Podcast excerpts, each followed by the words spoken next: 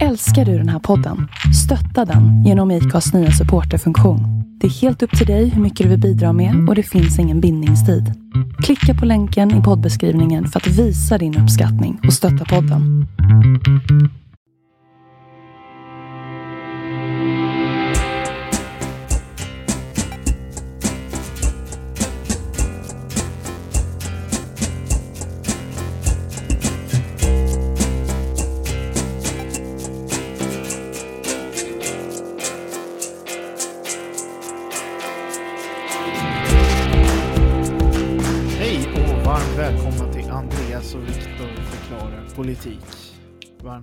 Välkommen Andreas. Varmt välkommen. Tack så mycket Viktor. jag, vet inte vad Tack själv. Ja.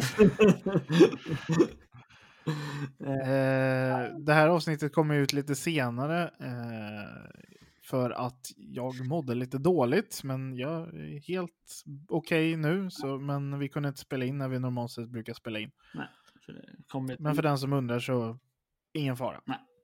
Precis, men det är bra att du mår lite bättre nu i alla fall.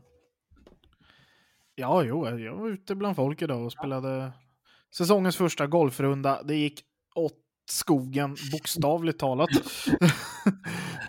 Eh, så vi behöver nog öva lite mer på det.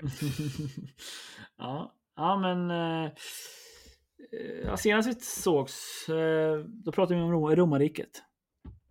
Och nej, framförallt Mm, vi Då var det påsk. Så att på post så pratade vi om det. Så det var, hoppas folk eh, tyckte det var intressant avsnitt. Eh, nu eh, kommer vi tillbaka lite till egentligen det vi har pratat om de senaste typ, så här, fem avsnitten. Eh, corona nästan. 2000 år framåt i tiden, ett antal pandemier däremellan och fram i den moderna tiden. Mm. Det har ju coronaläget fortsätter i Sverige. Mm. Eh, det mycket tyder väl på att det kanske börjar plana ut och det är väl positivt. Det betyder ju inte att faran är över eller liknande. Nej. Eller att man ska börja lätta på restriktioner eller liknande. Men det betyder att man lyckas få smittan under en eh, begränsning och att det inte ökar. Mm. Men det minskar ju inte heller. Nej. Så fortsätt att hålla i den där distansen och jobba hemifrån om man kan och liknande. Precis. Så som vi gör nu och spelar in det här över länk. Precis. Så det, för det, om vi börjar leva som vanligt igen, då kan ju den här, då är det ganska stor risk att den här eh, smittspridningen tar, tar fart igen. Då eh, kommer den här kurvan sticka rakt upp i skyn. Det är ju Ja. helt klart. Oj. För det, det kommer jag ihåg, ingen är immun eller liknande sedan innan. Så alla som kommer i kontakt med det som inte har haft det kommer bli sjuka. Mm. Nej, Eller i alla fall bli smittspridare vidare. Mm. Och även om man inte känner sig sjuk. Mm. Precis. Nej, men eh, vi skulle inte riktigt prata om exakt virus idag, men dess effekter eller det, det har haft ganska stora effekter på eh, världsekonomin och den lokala ekonomin och sådär. Eh, så att, vilket, ja, vi läser nästan dagligen om företag som korttidspermitterar eller, eller varslar eller, ja, eller går i konkurs. Eh, Mm. eh, och sådär. Och oljemarknaden också har ju Ja. blivit helt tokig. Mm. Eh, Ja, ja, den, var det mån- ja, I början av veckan här så eh, var det ju så att eh, vissa betalade för att bli av med olja. Det var alltså minuspris på eh, olja. alltså jag, jag, jag, jag har ju liksom funderat över det. Jag pratade med min mor om det där. Alltså, eh, vadå, betalade de? För att jag var men nej, jag tänkte det kanske bara på pappret. Men de kan inte, egentligen- det kan inte vara praktiskt så, för man faktiskt betalade för att bli av med sin olja. Det känns jättekonstigt. Det, det, man handlar ju olja på den här nivån Ja. i terminer, Mm. alltså ett finansiellt instrument. Mm. Eh, och eh, just den här typen av olja eh, Mm. som är en av de, nu kommer jag inte ihåg namnet för jag var inte förberedd på det, men den, den heter något Texas någonting. Mm. Eh, den är en av dem man tittar på för att avgöra oljepriset i världen. Och den här terminen gick ut i måndags eller tisdags. Mm. Eh, och då funkar det så att man har köpt på sig olja för att sen kunna sälja. Mm. Eh, förhoppningsvis med vinst. Men eh, lagren, alltså man måste bli av med den här. Så Mm. då har man helt enkelt sagt att vi ger bort den här och betalar er för att bli av med oljan. Och sen är ju det då inte kanske de fysiska faten utan de värdepapper som är Mm. knutna till oljan som finns uppumpad Ja, eh, under den här perioden. ja. ja fascinerande. Men det är inte så att du hade kunnat gå ut och ja, ge mig 37 dollar så tar jag lite oljefat. Nej, det var, det var Du hade kanske kunnat göra det på börsen, men inte ute på OKQ8. Nej, jag betalade nästan ö, lite över 12 kronor för bensinen. Så att, eh, eh, så att, eh, ja. Men det var fortfarande lägsta priset sedan 2009. Så att, eh, och det är 11 år. Så. Ja, och det här ställer ju till det för OPEC, eh, så den här oljekartellen bestående av lite mer eh, odemokratiska länder kan vi väl sammanfatta det som. Mm. Eh, Irak, Saudiarabien, Venezuela, Kuwait, ja, sådana länder. Precis. Eh, De här, de här na- trevliga Då- staterna som eh, samlas runt och bara ska manipulera priset. mm. De försökte ju strypa sin produktion för att få upp oljepriset. mm. Eh, och det är ju det den här kartellen är till för. Kartellbildning är normalt sett olaglig inom näringslivet, men om stater ägnar sig åt kartellbildning så är det ju lagligt. Vem ska stoppa dem? Eh, exakt. USA ska bomba varenda OP-klan. speciellt när man allierade med flera av dem. ja. Eh, men men det funkade ju inte uppenbarligen. Och det beror ju mycket på att det finns ju... Man kan ju tro att alla är med i OPEC och alla, alla varit med i OPEC. Ja, då hade det ju funkat. Eh, Men det finns ju länder som Norge, Storbritannien, USA, Kanada som ger blanka fan i det här och eh, De schyssta länderna. säljer efter, ja, Ryssland är inte med i OPEC heller vad jag vet. Eh, tror jag. Du kan kolla det lite snabbt här medan jag pratar vidare. Eh, men eh, de ger ju blanka fasen i vad OPEC gör och vill kränga sin olja eh, istället och styra sina egna priser. Och kanske slänga in lite demokratiska värderingar i det också om man är Norge eller liknande, Kanada. Så det funkar ju inte. Det står någonting om Och, att eh, eh, det var ett krismöte som eh, krismöte mellan OPEC och Ryssland skjuts upp 4 april 2020. 2020. Okej, så de pratar med varandra, men de, Ryssland ingår inte i OPEC. Nej, nej. Låter logiskt. Eh, men det finns till exempel sådana oljeverksamheter som eh, fracking i USA. Den här när man hydrauliskt pumpar upp olja genom eh, skiffer. Eh, Mm. Det, den, för att den ska vara lönsam måste oljan kosta 45 dollar fatet. Mm. Och det gör den inte nu. Nej. Så den är hotad att gå i konken och det gillade ju inte Trump såklart. Nej, det, känns, det känns- bra. Det är, oljan eh, kan den gå i konkurs nu. Det kommer den förmodligen inte göra. Men den kommer förmodligen återhämta delar av pro- produktionen, pro, pro, produktionen kanske. Som den där du pratade om. Eh, eh, inte klarar sig. Eh, Det går alltid att starta upp igen. ja, det gör det absolut. Teknologin finns ju kvar. Om eh, USA finns, finns kvar som land eh, om ett år. Eh, antagligen. Förmodligen. Eh, men i alla fall, eh, det, som jag säger, vi pratar kommer lite på olja här nu, men det är ju så att eh, ekonomin har ganska, ja, så här, totalt rasat liksom. Framförallt de första veckorna när liksom länder börjar stänga ner och liksom eh, folk börjar sluta konsumera och, och handeln mellan länderna stängdes liksom och sådär. Eh, då rasade ju ekonomin helt. Eh, och man har sett som jag har sett grafer, man har sett mycket grafer de senaste månaderna. Liksom. Men, eh, Alla är statistiska helt plötsligt. Ja, exakt. Men en graf är ganska som man ser, liksom, det är där. Eh, kanske, vi kan länka den när vi lägger upp det här, den här podden. Eh, där, liksom, där man ser rörelsen jämförelse med den amerikanska arbetslösheten 70-talet fram till nu. Alltså, det finns ju några så här pikar liksom, där det var liksom, jobb och arbetslöshet. Liksom. Men om man då jämför med den här, då, bara, liksom, då blir de liksom, här marginella, liksom, eh, bara lite avvikelser. Liksom. Mm. Om man jämför med de depressionen, då är det ganska liknande förmodligen. Men just, de har just jämfört med 70-talet fram till idag, vilket är en mer modern tid, då ser man att det verkligen är så här.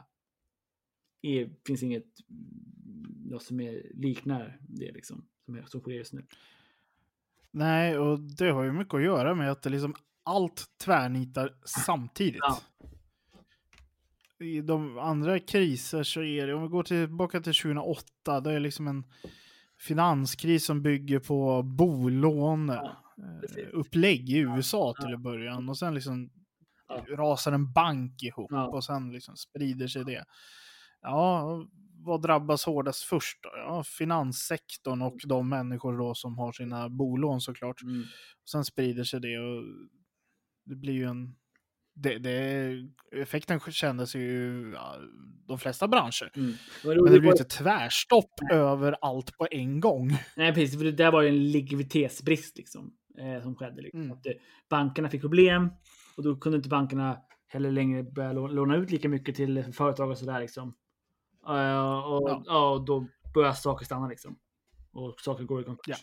Ja. Eh, Och du får inte låna och konsumera. Alltså, det låter ju dumt att låna och konsumera, men om man tänker lite att eh, ska du köpa en lastbilsflotta säger vi, Mm. eller någonting, då lånar du ju kanske det. mm, precis. och- Mm.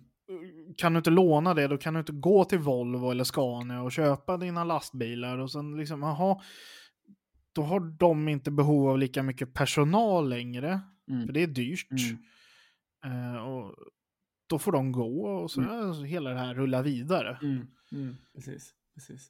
Nej men precis. Och, eh, och, det, och då kan ju, då är det mainstream inom det ekonomisk-politiska är då att gå in med stimulanser. Eh, och det, det har varit mainstream sedan liksom Keynes kom på det på 30-talet. Eh, och det, är liksom- det, är liksom- det är mainstream, liksom. det är väldigt få som... Men jag själv blir väldigt skeptisk till det, men liksom det är, man, är, man, man brukar liksom klassas som en teoretisk galning när man liksom säger att man inte ska rädda banker och sånt där. Eh, eh, men eh, så det, så det, mainstream är ju att man ska gå in med stimulanser som stat liksom, för att liksom, se till att ändå att rädda liksom, så att inte allt liksom, det inte blir någon kreativ förstörelse eller ja, någon som skulle säga förstörelse. Eh, Ja, Att det finns någonting kvar att rädda liksom. och något viktigt i vad eh, Keynes sa också var ju att man, eh, staten ska spendera under tider av kris Mm. eller lågkonjunktur i alla fall. Mm, mm. Eh, man ska liksom investera sig ur det Mm, här. mm. Du ska satsa på att bygga vägar eller eh, Mm. flygplatser eller vad det nu må vara. Eh, och under högkonjunktur istället eh, höja skatterna kanske och Spara. samla i ladorna och liksom Mm. spara pengarna Mm, och amortera sina lån och liknande. Precis, precis. Vilket Sverige har gjort och jag har gjort sedan 90-talet. Mm. Eh, Vi har haft liksom det. Det ska vi vara glada för idag. Exakt, vi har haft en institutionaliserad eh, eh, politik för det. Men nu är, med den här krisen ser man ju även Sverige, med bara det de kriser redan har presenterat i Sverige, eh, så kommer, med de prognoser som vi ser nu, kommer Sverige närma sig eh, EUs eh, skuld, eh, skuld av BNP på 60 procent. Vi kommer närma oss det och vi låg på typ 29 procent innan den krisen började. Mm. Eh, och vi kommer, liksom- nu ligger vi på, jag tror vi låg, jag har inte men det är nog uppe till 35 eller någonting i alla fall. Eh, Ja, och det är ju, hur ska jag säga, det är väl om man någon gång ska låna mm, så är det väl nu. ja, Men det blir väldigt svårt att argumentera för att låna för någon höghastighetsjärnväg eller liknande Mm. efter det här nu. mm, När lånutrymmet har liksom ätits upp av Ja, ja. annat mm, mm, mm, eh, som har varit mer viktigt att få tag i. Sen kan man göra som Norge och sitta på 10 000 miljarder i oljefondspengar som man plockar ut. Och de plockar ut 450 miljarder och liksom, nej. Ja, exakt. De har fått det här, eh, ett par länder som eh, de kommer, är de kommer, är de typ 90, 99 procent säkerhet så har de fortfarande inga statsskulder när den här krisen är över. Eh, nej, eh, de kan väl kanske, jag vet inte riktigt hur Norges finanspolitik tar. De kanske tar kortfristiga lån Ja, för ja, eh, men, då, då, vissa saker. men då är det lätt att betala tillbaka. Men de kommer inte sitta med några vanliga statsskulder som man fortfarande måste som man betalar av under en, under en längre tid. Nej. Sen finns det ju den här eviga debatten. Eh, är en statsskuld bra eller dålig att ha? Mm. Och det var ju någonting som svängde först. Nu blir det lite historielektion, men Mm. det, det sägs ju ofta att eh, Jean-Baptiste Bernadotte, alltså eh, stamfadern till vår nuvarande kungahus, Mm. eh, betalade av hela Sveriges statsskuld när man blev eh, monark, Mm. eller adopterad i alla fall till kronprins. Mm. Och det stämmer ju. Och det visade ju på att på den tiden, fram till sent 1800-tal, så var det, man hade statsskuld, men det var någonting dåligt. Det var någonting man ville bli av med. Men idag ser man det, det som att ett land bör ha en viss nivå av statsskuld. Du, kan, du ska inte ha för hög, Nej. då får du ju problem. Mm. Men det är rimligt att ha en viss, för annars, alltså du har ju då råd att låna Mm. billigt för att investera i Mm. vad det nu må vara, helst saker som genererar pengar. Ja, men precis. Ja, ja, men det har ju under de senaste, så det de senaste 20 åren är det väl som det har varit en debatt i Sverige bland ekonomer och en del politiker, eller framförallt ekonomer liksom, som har trovärdighet i det här, som säger att Sverige kanske har liksom för, för låg sta- statsskuld. Att Sverige borde ha lite Mm. högre. Exakt.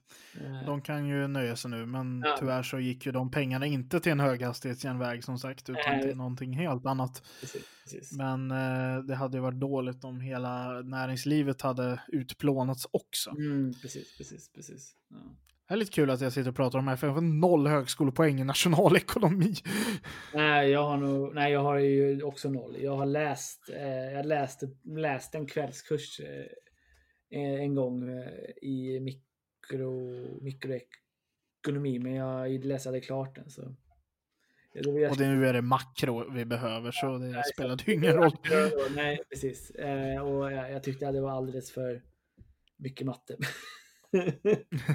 Vi båda två sitter här med ganska eh, dåliga kunskaper i matte också va? Jag, jag klarar väl av det, men jag tycker inte det är kul Nej, nej. för fem öre. Nej, jag, klarar också av matte till viss del. Men, det- ja.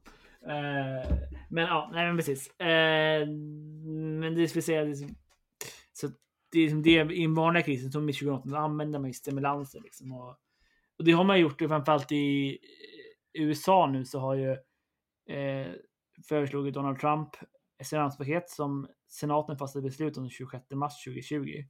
Som eh, är Mm. på 2 triljoner dollar. Eh, om man, Det är mycket pengar. Nej, det är svårt att liksom så här, jag säger siffran, det är så här, okay, ja, 3 triljoner dollar, det är så här, men det är inte så att man, det är svårt att greppa hur mycket, hur mycket pengar det är. Eh, hade man haft det i bankkontot själv så hade, hade förmodligen det räckt till typ så här, eh, de nästkommande fyra generationerna typ. Fyra?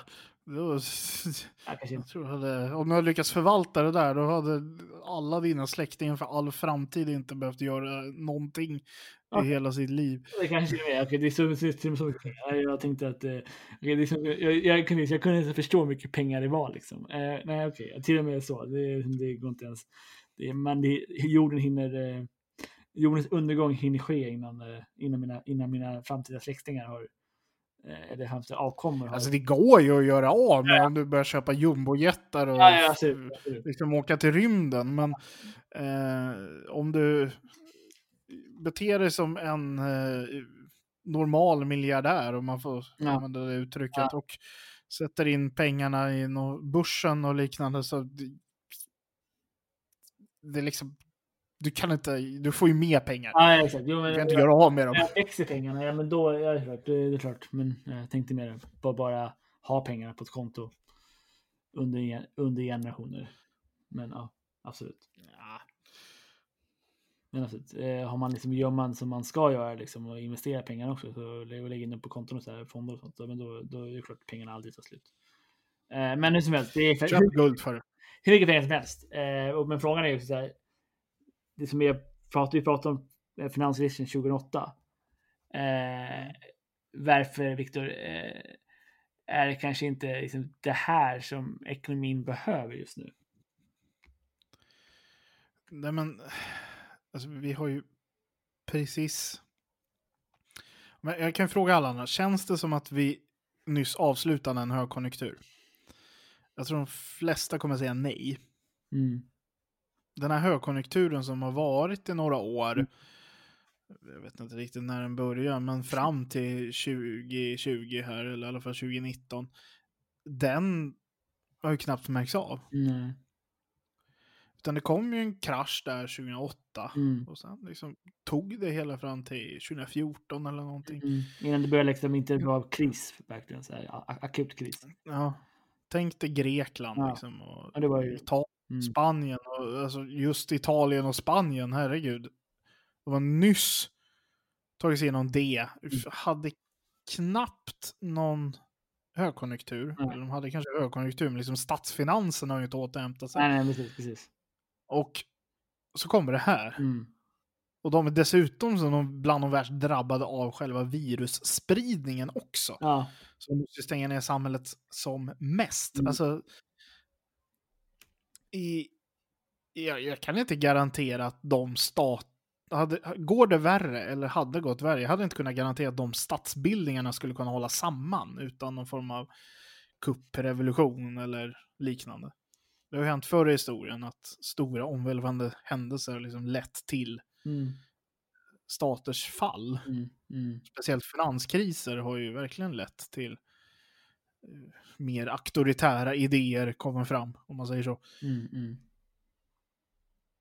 Just det. Men eh, samtidigt, det här liknar ju inte heller Lehman Brothers Nej. 2008. Mm. Eh, I det att, som jag var inne på, det i princip över en natt. Lehman Brothers kände över en natt också. Men då var det den banken och sen liksom rasade vidare, rullade igenom de här systemen. Här liksom går en president eller en premiärminister eller en guvernör ut och säger den här delen när hela landet är stängt. Mm. Din butik eller din verksamhet får, får inte ha öppet. Nej. Vad gör man? Alltså det är, Mm. Allt bara stannar och Mm. stora företag Alltså vissa eh, kritiserar ju att ja, men varför har inte företagen mer i eh, likviditet? Alltså på sparkontot, rent ut sagt. Mm. Ja, men är du en frisör, säger vi, eller café, eh, klädbutiker. Alltså du, du tjänar typ lika mycket varje dag. Mm. Du klipper, hur många klipper en frisör? Vi säger 15 personer på en dag. Ja. Och du tar 350 kronor i genomsnitt för det. Ja. Då är det rätt lätt att räkna ut att jag drar in så här mycket pengar varje dag jag jobbar. Mm. Helt plötsligt så bara slutar alla komma dit. Mm. Mm. Du står där med hyran, Mm. du, har, du ska leva själv. Mm. Eh, I vissa fall kanske du har leverantörer som vill ha betalt om vi säger att du är ett café, eller bageri eller någonting. Eh, eller en klädbutik. Mm. Ja, de som har tillverkat kläderna vill ju ha betalt för dem fortfarande. Mm. Och så ska du ligga i en galleria eller köpcentrum och det är inte jättebilliga hyror men du snurrar runt liksom på 10% likviditet och det funkar ju hela tiden för det har aldrig varit några problem. Nej. Det funkar jättebra. Mm. För du har en hög omsättning. Mm. Alltså, det, det är ju mycket pengar som går in och ut hela Ja, tiden. precis. Men helt plötsligt går det bara pengar ut. Ja. Det kommer inte in några. Nej. Och då kan det ju behövas kanske li- lite statliga stimulanser, eller? Ja, jo, jo, absolut, precis. Eh, jag tänker, de, de, de, de här branscherna du nämner, de lever ju också på en ganska frisörer, klädaffärer, det är en ganska eh, fri marknad jämfört med andra marknader. Liksom. Bilmarknaden är inte så fri, liksom. men just den här marknaden är ganska fria, liksom, för det är ganska många aktörer. Så det är ganska, Ja, alltså, den är ganska kon, kon, konkurrensutsatt. Liksom.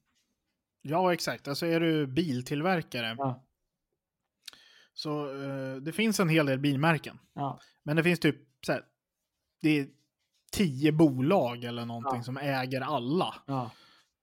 Alltså det är gigantiska Mm. konstruktioner. Mm. De och bilar är eh, också sånt som de är konjunkturkänsliga så de vet att de måste ha lite mer i ladorna. Mm. Eh, de har enormt mycket tillgångar i maskiner eh, och fabriker. Alltså, Mm. det ska vi också komma ihåg. En frisör, Mm. vad har en frisör för om, rent generellt för materiella tillgångar? Ja, det är en sax. Lite mer, men i princip. Det är liksom sax, eh, det är eh, rakapparat, det är ofta säljer de schampo och liksom hårvax och sånt. Alltså det är Det är, det är inga stora mm, pengar mest. no, några, no, några tiotals tusen kronor skulle jag säga. Kanske. Alltså. Stolar, speglar, Mm. Hårföner. Alltså några tiotusentals kronor. Precis. Volkswagen äger liksom 15 gigantiska fabriker bara inom Volkswagen. Och sen har du alla deras undermärken. Mm. Audi, Skoda, Seat. Mm. Nu ska vi inte göra reklam för Volkswagen, men de får gärna sponsra oss. Mm. Eh, jag har nyss köpt en bil av er. Eh, eh, alltså de, bara marken de här fabrikerna står på är ju värd miljoner. Mm. Just det. Och sen har du robotarna och du har maskinerna och du har liksom delarna till bilarna som du har på lager. Och, Mm. Ja, och folk, det rullar jättemånga sådana här bilar runt i världen fort nu och kommer göra det. I, om, om vi säger att Volkswagen går i konken, då kommer liksom rulla Volkswagen-bilar i 20 år framåt som behöver reservdelar. Ja, ja. Ja, eller för, för, ja, i alla fall i stora, i stor, stor skala. Sen kommer det förmodligen rulla. Ja, alltså veteranbilar kommer ju alltid finnas. Men, Ja, precis exakt. Eh, I alla fall i hundra år till. Eh, men eh, ja, nej, precis. Och det är ju så här. Nu säger jag, men de, stimulanser. Det, kanske man behöver. Jag vet inte om det är stimulans, stimulans, som man behöver. För det är inte riktigt det som Eh, för det är svårt att ge i alla fall de här klassiska stimulanserna när man ska få igång konsumtion. Ja, Min hund känner för att skälla. Ja. Eh, för att få igång konsumtionen. Det, vi vill inte att folk ska gå ut och källan, källans shoppa så mycket kläder, gå till försäkringar så mycket och gå på restauranger och sånt där. Vi, vi vill gärna att folk ja, är hemma så mycket som möjligt och isolerar Mm. sig. Eh, så att då blir just de här vanliga klassiska stimulansåtgärderna blir ganska tandlösa. Ja, alltså och vanliga stimulansåtgärder går ju ofta ut på att vi eh, kanske sänker en skatt, Mm. vi tar bort en moms, Mm. eh, vi, eh, vi ger, sänker arbetsgivaravgifterna. Mm. Vissa av de här sakerna har man ju gjort. Ja, ja, precis, ja, precis. Vi, vi har ju liksom, precis, infört korttidspermitteringar. exakt. Ja, men det är vi gjort. Ja. Och det är ju att staten betalar en del av din lön fast du är ledig. Mm. Det utökades lite. Först var det 60 procent och nu är det 80 procent. Att, Mm. eh, ja. Och man kan få anstånd med skatten. Mm. Och man kan eh, slippa betala arbetsgivaravgifter. Mm, mm, mm. Alltså det är ju det är rätt klassiska men ändå långtgående stimulansåtgärder. Mm, Men frågan är om de räcker. Och mm. I början gällde vissa åtgärder inte till exempel enskilda företagare och liknande. Och det är ofta de som är mest i behov av eh, omsättning. Alltså de har låg likviditet. Mm, En elektriker. mm. Ja, Så måste ju åka runt och koppla sladdar för att få in pengar. Mm. Ja. Men helt plötsligt vill ingen ha in dig i sitt hus för att koppla sladdar. Nej. Då blir det lite jobbigt. Mm. Nej, precis. Nej, precis. Men sen finns det ju branscher som tuffar på hyfsat normalt. Eh, Matbutikerna, eh, medicin, Nej, biblioteken. alltså, Ja. apotek, eh, läkemedelsbolagen, eh, liknande. Mm. Funkar ju. Ja. Men eh, andra, ja Systembolaget, medan andra bara dör över en natt och det är ju jättemånga som gått konkurs. Mm, mm. Nej, precis. Det var någon känd eh, krog, en ga- gammal och känd krog nere i Malmö nu som såg jag som gick i, i konkurs. Ja, Savoy Grill. Det är tur att jag hann äta det innan de gick i konkurs. Finns väl, det kommer väl säkert vara någon som köper Nej, nej, jag, lokalen efteråt. ja, Men det var tråkigt. De hade jättegod mat är det. Ja. fin miljö. Mm. Men eh, om de här stimulansåtgärderna inte räcker till då, vad ska man då ta till? Alltså USA till exempel har ju börjat trycka checkar. Mm. Som de bara ger ut till sina medborgare. Alla amerikaner eh, utom de allra rikaste får tusen dollar bara rakt av. Mm. Precis. Eh, helt plötsligt blev medborgarlön ett koncept vissa vill prova. Ja, precis. Och- Eh, Och vi diskuterade de här checkarna lite innan här och det då gäller det att se till att de används på rätt sätt. mm. Eh, vi, de har ju inte helt färdigtryckt ännu så jag, vi vet inte ens om vi kan svara på det här. Men du vill ju att den här checken är ju till för två saker. Om du har blivit arbetslös så är den ju till för att du ska kunna hålla dig flytande. Mm. Du ska kunna betala hyran och i USA ska du betala en bil ofta. Eh, och eh, mat. Och har du inte blivit arbetslös så är det väl tanken att den ska gå till konsumtion istället. Någonting sånt, ja precis. Jag försöker... Och, och konsumera vad det nu må vara. Alltså, det, det lägger de sig i. Men det kan ju vara bra att stödja lokala företag eller liknande. Mm. Men eh, det är ju inte så bra om det läggs bara in på sparkonto. Åh, jag fick tusen kronor, men sparar jag i min collegefond. Nej, precis. Det var ju inte riktigt tanken. Nej, precis. Men det är ju det där. Hur, det, det gäller ju att de ska kunna använda det också. Eh, liksom att, eh, så det, man ska ju inte man ska ju inte konsumera så mycket. Eh, Fan, men onlinehandel. Amazon. De jag kanske inte behöver mer pengar. Men Nej, precis. Eh, the bill authorizes direct payments every American with social security number who makes up to seven. Så har man, eh, tjänar man inte mer än eh, 75 000 dollar per år plus, är rätt hög lön. plus 500 kronor per, per barn. Så, så får man, eller 500 dollar per barn, så får, eh, så får man, så får man, eh, får man det här. Och det täcker ju de allra flesta vanliga amerikaner. 75 000 dollar om årslön är en rätt hög lön. Men även de som tjänar mer än 75, de får en mindre summa. Och, eh, och sen så fasar de ut det upp till 99 000 dollar. Eh, Mm. De, tjänar, de, tjänar, de tjänar över 99 000 dollar per år. De, de, de får ingenting. Men då har man ganska mycket pengar. Eh, rimligt. Tjänar över nästan, om man tjänar en miljon per år så kanske man klarar sig. Man bör i alla fall göra det. Speciellt i USA där, där man liksom måste klara sig själv lite mer. Exakt. Man har till och med råd med sjukvård faktiskt om man tjänar en miljon per år. Eh, ja. Eh, så att, ja, nej precis. Så att, eh, så att, men det, men precis. Det, det, det är en sak som man har gjort i USA som man kan göra som, som kanske kan hjälpa mer. Och det är ganska, när det blir så det är skillnaden mellan, alltså det är, många åtgärder är ju, har ju varit klassiska stimulansåtgärder, men det har varit mycket, mycket mer enorma summor, både i USA och i Sverige.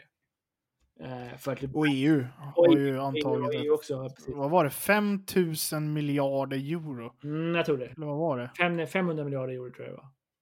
Tror jag. 500 miljarder. Jag tror det var det. Ja, det borde vara 5 000. Ja, ju- just det. 5 000 miljarder kronor var det. Ja, precis, precis. Eh, Det är alltså fem gånger Sveriges statsbudget. Ja. Och det här ska man utöka nu också. Det är väl ett toppmöte i kväll när vi spelar in det här tror jag. Mm. Som börjar Nej, nej, jag, jag, nu- jag redan har på fredag. redan har varit för att eh, jag fick en notis att eh, Stefan Löfven, jag såg inte hela notisen, men det, han, har- han precis då startades en pressträff.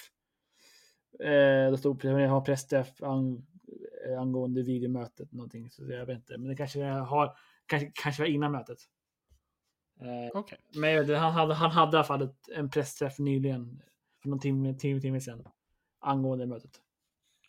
Ja, eh, och då ska man i alla fall försöka Mm. eh, fatta beslut om ännu mera pengar. Och då ska man liksom slå Alltså- hela, liksom, alla de nationella reger- regeringarnas eh, krispaket liksom, i, i Europa. Då, ja, jag vet inte, det är förmodligen över en triljon eh, dollar i alla fall. Eller tror du? Eh, ja, jo. Det borde det vara. Frankrike är ganska stort. Storbritannien har nog, gett, har nog ganska mycket åtgärder också. Eh, så det är nog, och Tyskland har ju extremt mycket åtgärder. De har ju, också, de har ju, de har ju beslutat, beslutat om det här med omsättningsstödet. Mm. Eh, alltså det är, så- så- och det är, omsättningsstöd det är något som kanske inte riktigt är en klassisk stimulansåtgärd. För det är inte något som man brukar, man brukar inte ge direkt stöd till företagen direkt. För att utan det handlar mer om att sänka skatter och så där för att få igång konsumtionen och för att företagen ska kunna sänka priserna för konsumtionen. Men nu är det svårare att få igång konsumtionen för folk ska inte och vill inte ut och handla. Så nu man, Ja, alltså man brukar ju sällan ge, eh, ska man säga, det är bankerna. ge pengar in till företagens budgetar rent. Mm, Utan man brukar vilja ha någon form av motprestation. mm, mm, Eh, mm. att du anställer folk Mm. eller du behåller dina anställda. Eh, att det blir billigare att köpa dina varor eller Mm. man ser till att folk har råd att köpa dina varor. Det är ju det här checksystemet. Mm. Men att bara lite förenklat dumpa pengar in i företagens omsättning.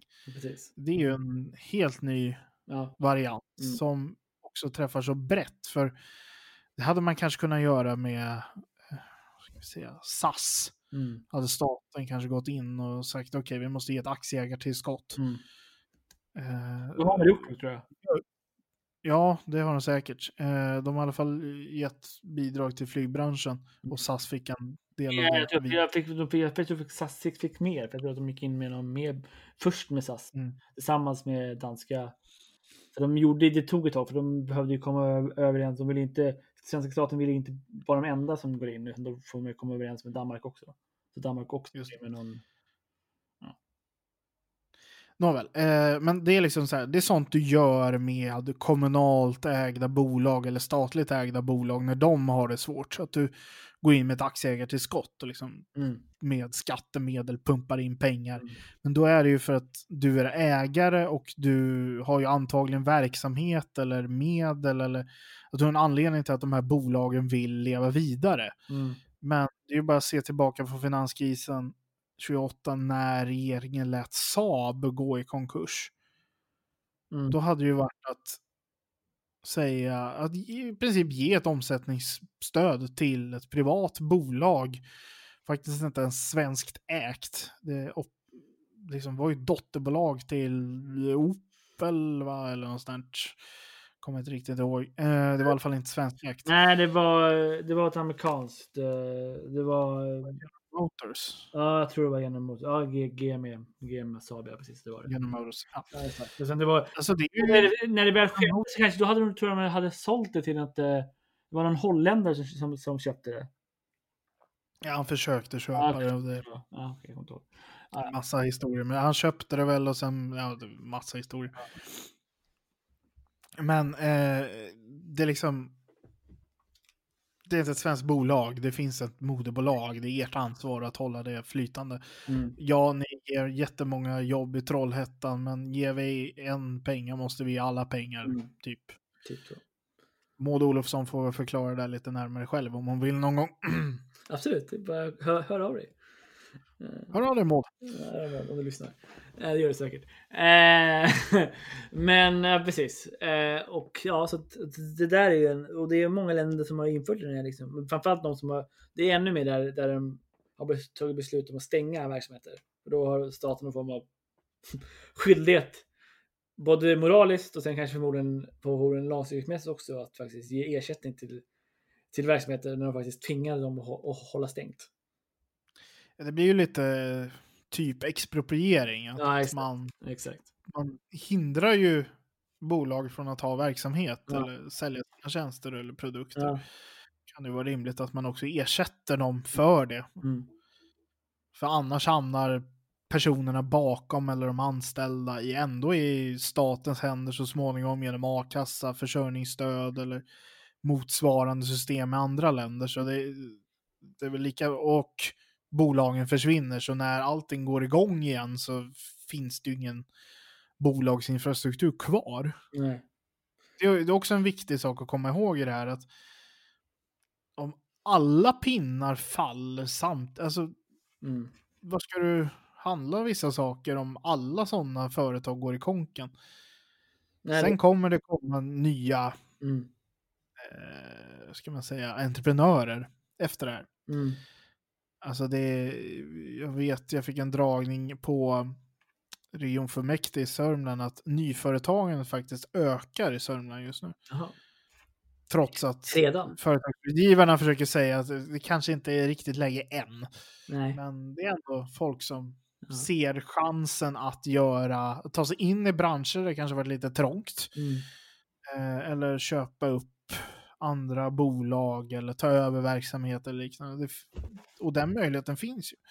Mm. Vill du bli restaurangägare eller krögare Andreas så är det nog ett gyllene läge om några månader. Precis, absolut.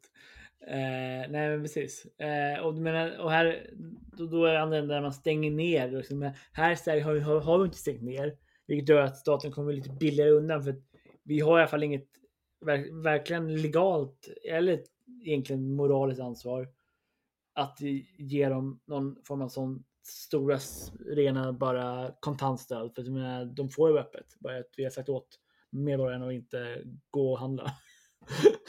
I stor utsträckning i alla fall. fall försöka handla med två meters avstånd till alla andra. Exakt, exakt. Eh, Och, precis, man, eh, och det, är här, och då blir, men det blir fortfarande då att det, till exempel på krogen, då får det plats mindre personer som kan handla.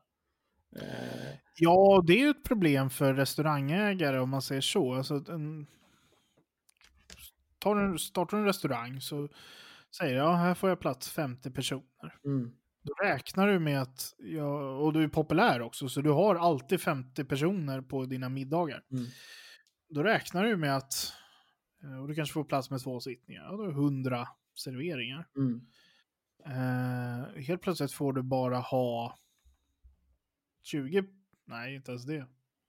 nej, 15 personer i restaurangen och sen 20, 15. inget sånt.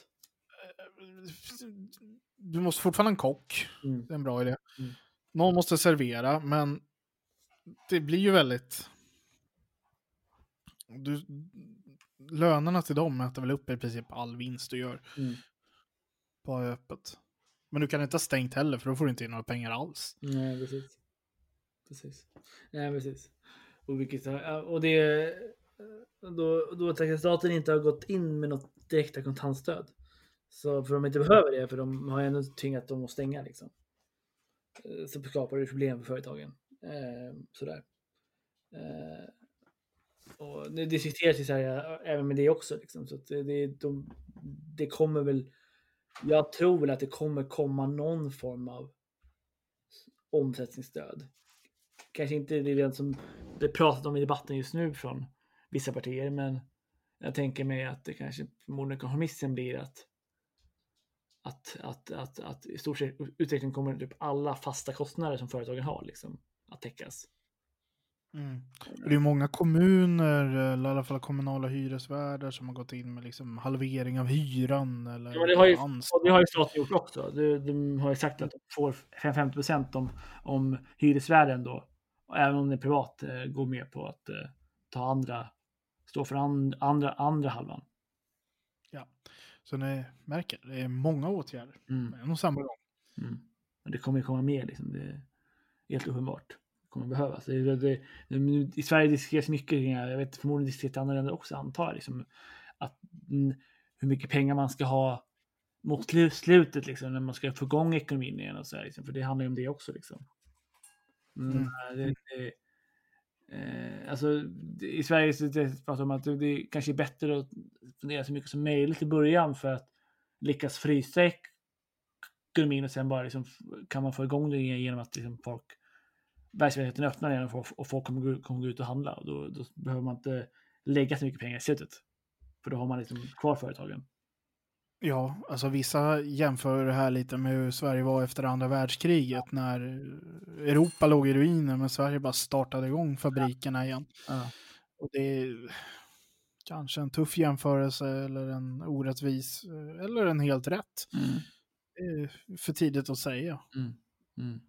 För jag vet inte riktigt hur konkurssiffror och liknande ser ut runt i Europa, men och sen finns ju alltid risken, och det är därför Svenska partiet till exempel vill skynda på den lagstiftningen, att man viss känslig verksamhet eh, måste prövas om utländska investerare får köpa. Mm.